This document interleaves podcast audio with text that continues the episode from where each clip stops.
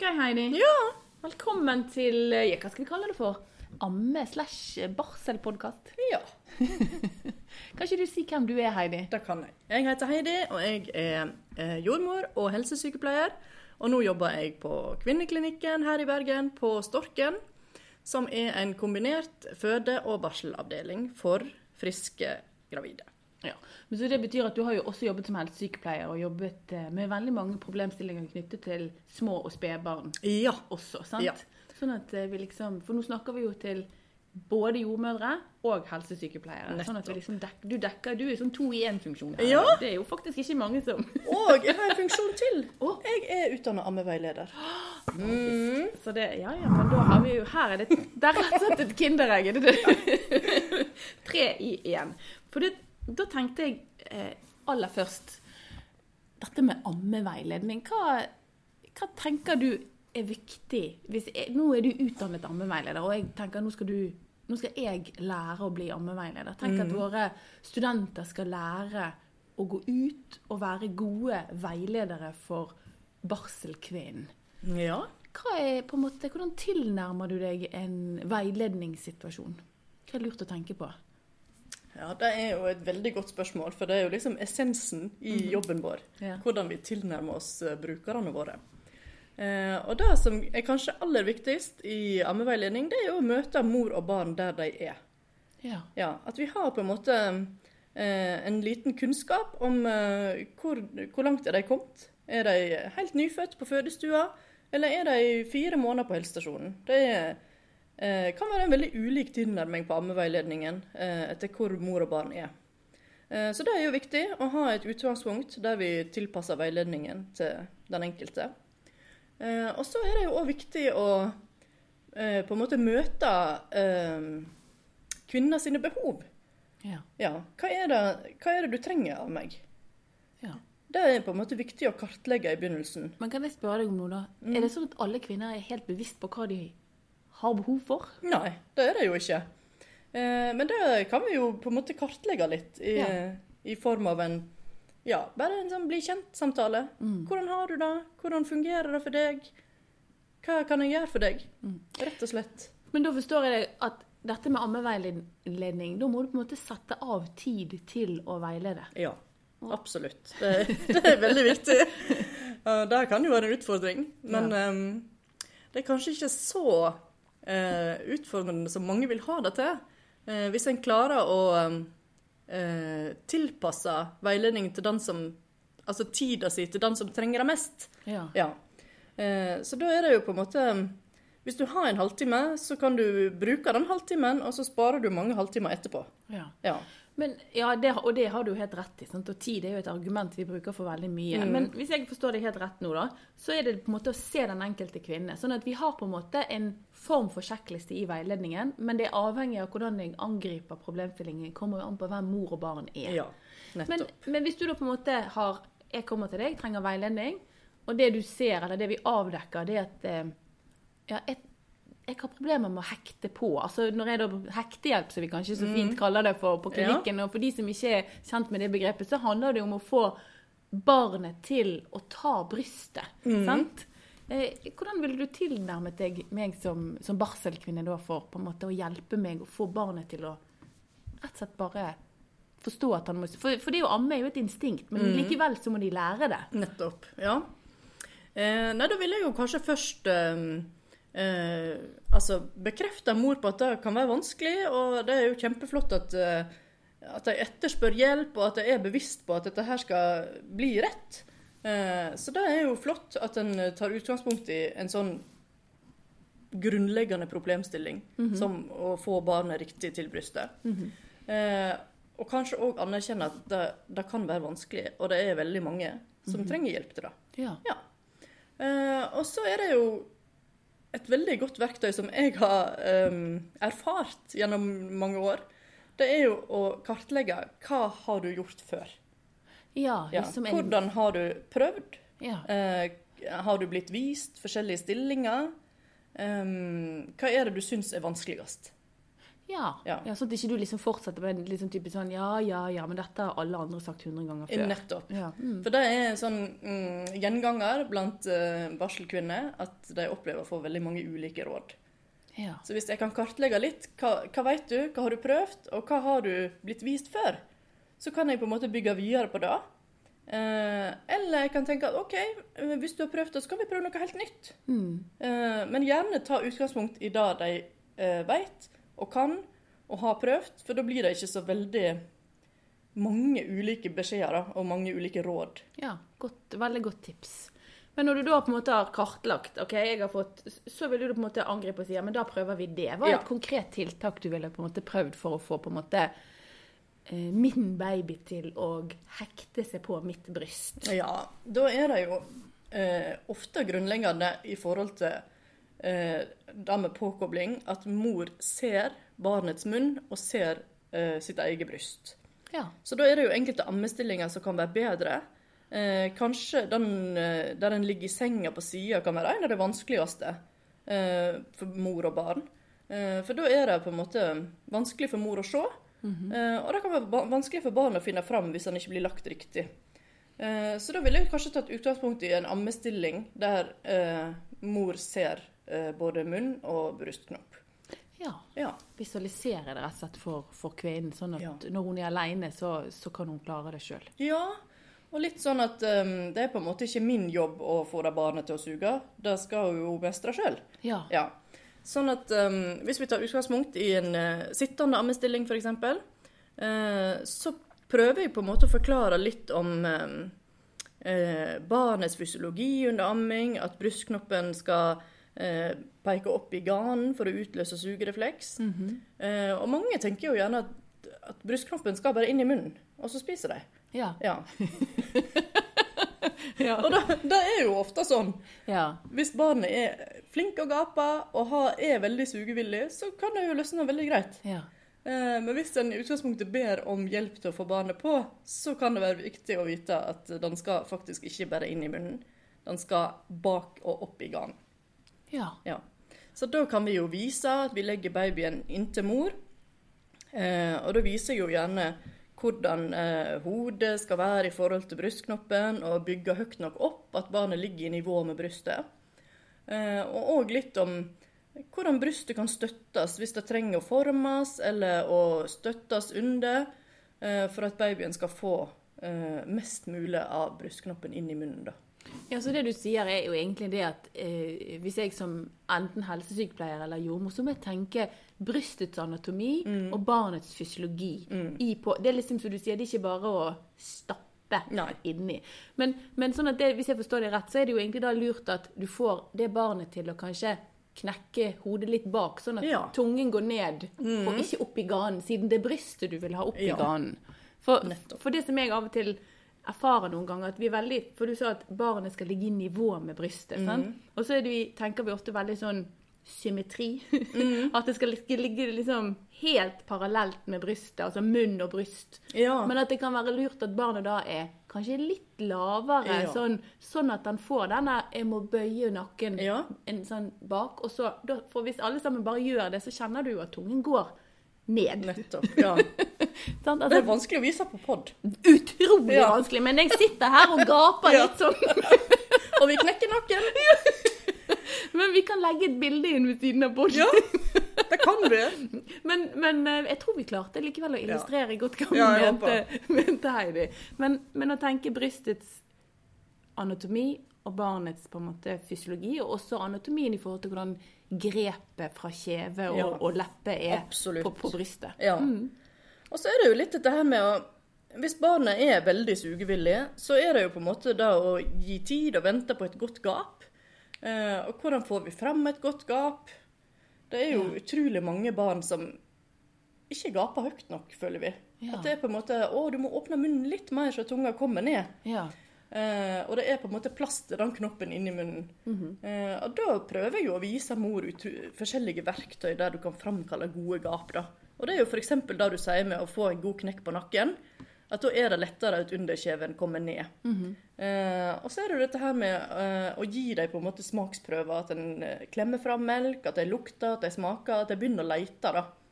Det er jo ofte essensielt i en ammeveiledning. Ja. At du har barnet med deg. på en måte. Du har bygd opp, du har forma brystet hvis det trengs, og du har på en måte en riktig ammestilling. Så skal du få barnet med deg på laget. ja. Så du har liksom Få- lagt grunnmuren, det er liksom mor. Ja. Og så kommer Og barnet så som skal på. barnet. Ja, og da må jo selvfølgelig eh, mor være eh, eh, informert om at dette kan ta litt tid. Det er jo ikke alle barn som hopper på brystet. Ja. Noen ganger så er de trøtte, de kan ha gulsott, de kan være kvalme av fostervann. Ja. Og hvis en kommer på helsestasjonen, så kanskje ikke barnet er sulten akkurat på den timen du har. ja, det er jo litt kjedelig når du har litt ammeproblemer, og så er barnet ditt faktisk akkurat litt mett når Ja. kommer til helsesykepleier. Ja. Og da kan det være litt frustrerende å gå hjem igjen, for det Ja, Ja, den ser jeg. så det er jo teamarbeid. Ja. Ja. Og det er jo litt sånn å støtte mor på det at du velger jo på en måte ikke hvilket barn du får. Du kan få et barn med liten munn, med stor munn. En som er eh, trøtt og bedagelig type, og en som er ihelsvolten. Og på en måte bokser puppen vekk og er sint, liksom. ja. Ja. De syns jo jeg ofte er de vanskeligste. Disse som er Absolutt. egentlig tilsynelatende veldig ivrige, og så når de kommer på brystet, så blir de bare veldig sinte. ja. Og de kan ha luftsmerter og kolikk, og det er mange problemstillinger opp igjennom barseltida som gjør at babyen ikke alltid er så lett å samarbeide med. Ja. Ja. Men, men hvis vi skal oppsummere litt det som, som du nå har sagt, så, så handler jo på en måte ammeveiledning i veldig stor grad om å møte kvinnen og barnets behov. Ja. Men så sa du noe innledningsvis som jeg syns var egentlig veldig, veldig fornuftig. For du sa eh, på en måte det at kvinnen etterspør hjelp. Ja. Og da slo det meg at eh, der har jo vi som helsepersonell et ganske sånn stort ansvar. Fordi at eh, det er ikke sikkert at jeg etterspør hjelp. Nei. Hvordan skal vi som helsesykepleiere og jordmødre på en måte ikke overse en kvinne med en ammeproblemstilling fordi at vedkommende ikke kanskje erkjenner at hun har et problem, eller ikke ønsker å si at jeg har en utfordring, fordi at alle andre får det jo til. Ja. Altså, sånn, hvordan, altså, hvordan spør vi? Sant? For sånn, sant? Det er litt sånn den der Og her har vi det fint, ja. Eh, ja. Ja. Eh, her går det bra. Altså, hvordan tilnærmer du deg en for å på en måte OK, hun inne på den og den stuen, eller den kvinnen med det barnet, hun er på en måte Det er noe. Ja. ja. Men hun sier hun ikke trenger hjelp. Men, men eh, hun virker likevel Det er en veldig gjenkjennbar problemstilling. Ja. Absolutt. Og den, akkurat den delen som du nevner her, er kanskje eh, mest vanlig på sykehus. Ja. Og kanskje mest vanlig hos førstegangsfødende. ja. Førstegangsammende, da. Eh, og det er jo litt sånn når du aldri har gjort dette før, så vet du ikke hva du skal spørre om heller. Nei. Nei. Eh, og da er det jo på en måte den tilnærmingen, uten at vi skal være et ammepoliti, og uten at vi skal eh, på en måte invadere dem da, med Ja. eh, på en måte kontrollspørsmål, så er jo den tilnærmingen der at eh, vi har som rutine at vi gjerne vil gjøre en ammeobservasjon. Eh, Nydelig. ja. Ja. Eh, kunne du tatt kontakt ved neste amming, eller eh, når var det babyen din spiste sist? Pleier jeg ofte å spørre om. Eh, og da er det jo litt sånn ullen på tid, men eh, vi opererer jo sånn cirka. Ish. Ja, ish. Eh, og da kan vi jo på en måte oppfordre det til Ja, men kanskje vi skulle ha gjort et bleieskift, og så ser vi om barnet er interessert. At Ja. vi går liksom soft inn eh, og prøver liksom å, å få eh, skape et sånn øyeblikk der vi får gjort en ammeveiledning, uten at vi eh, kommer inn og liksom Ja, nei, jeg har ikke sett at du ammer, så da, skal jeg se før du blir utskrevet. ja, at ikke du er sånn overkicker du. Altså, Ja. Liksom kommer inn og ikke igjen Nå har jeg sjekket at alt er OK. Ja. ja. Og nå har vi fulgt sjekklista, men her eh, skal vi se på amming. Ja. Noen har jo kanskje den tilnærmingen. ja. Eh, men det er det der at jeg ikke helt vet hva jeg skal spørre om. Og kanskje at vi kan på en måte begynne eh, med en veiledningssituasjon, da. Eh, at vi på en måte kommer oss inn på en amming, oppfordrer at de skal ta kontakt. Eh, eller at vi, eh, vi er på en måte hyppig på. Og der pleier jeg av og til å si at de, de tar ikke så masse kontakt, og der har jeg drevet oppsøkende virksomhet. ja, at vi har et ansvar. At ikke vi Ja. tenker 'gud, det er så greit med hun det der', for hun spør ikke. Nei. Det er egentlig mer eh, bare at de ikke spør, enn de som henger i stroppen hele tiden. Selv om vi kanskje Absolutt. som helsepersonell kan ha 'Å, herlig land'. Ja. Der er det hun igjen. Ringenes herre. Ja. men, men så tenkte jeg på en ting til i For nå snakket du om disse som på en måte ikke etterspør. Og, så, og så sa du at det er gjerne førstegangsammene, og kanskje en hyppigere problemstilling på sykehus versus når de har kommet hjem og eh, helsesykepleier skal eh, ta over. Sånn?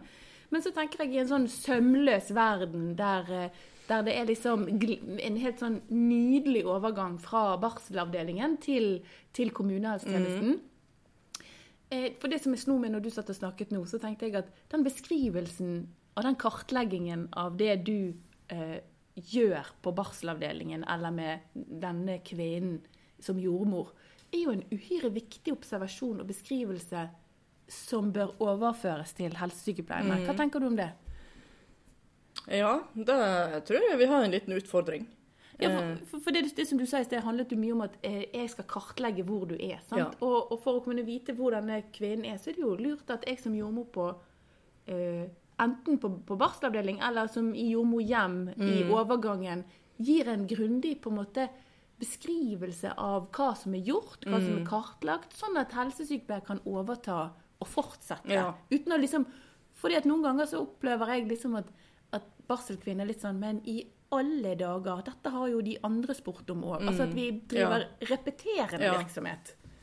Ja, det skal jo være en sånn elektronisk overføring av informasjon Mm. fra sykehus til kommunehelsetjeneste. Eh, Men det er jo eh, i hovedsak fritekst. Ja. Det er ett punkt som, eh, er, som skal fylles ut, og det er die-problemer. Ja, nei. Ja. Ja.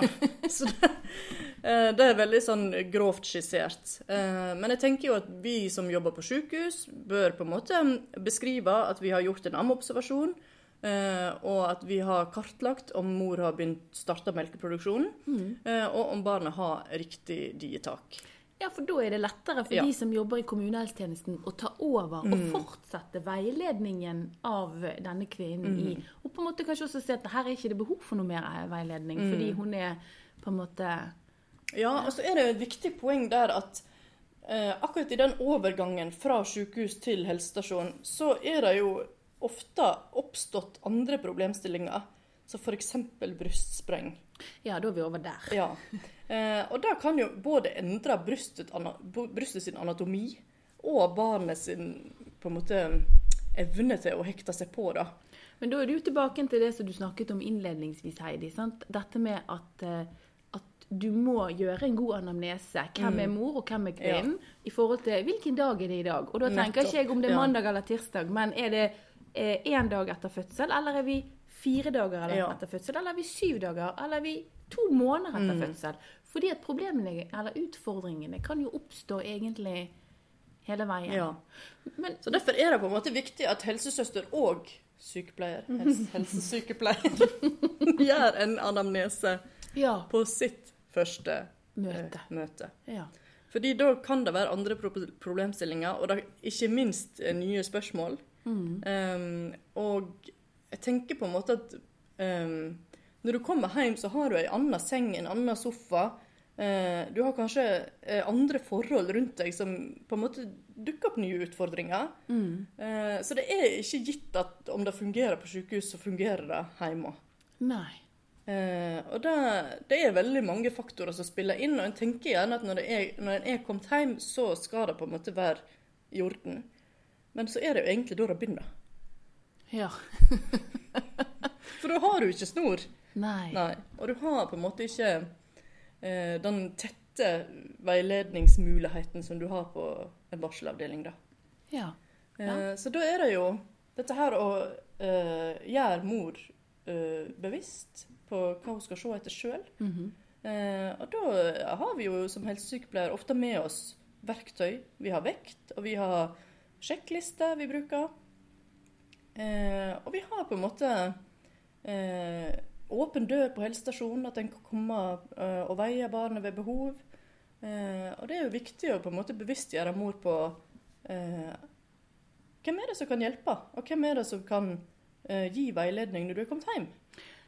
Ja, så, så igjen er vi tilbake igjen. Jeg liker jo å gå i sirkel her, hører jeg. At, det, at dette med å anerkjenne eh, at tingene endrer seg hele tiden, og at, eh, de behovene man hadde på sykehuset, er annerledes.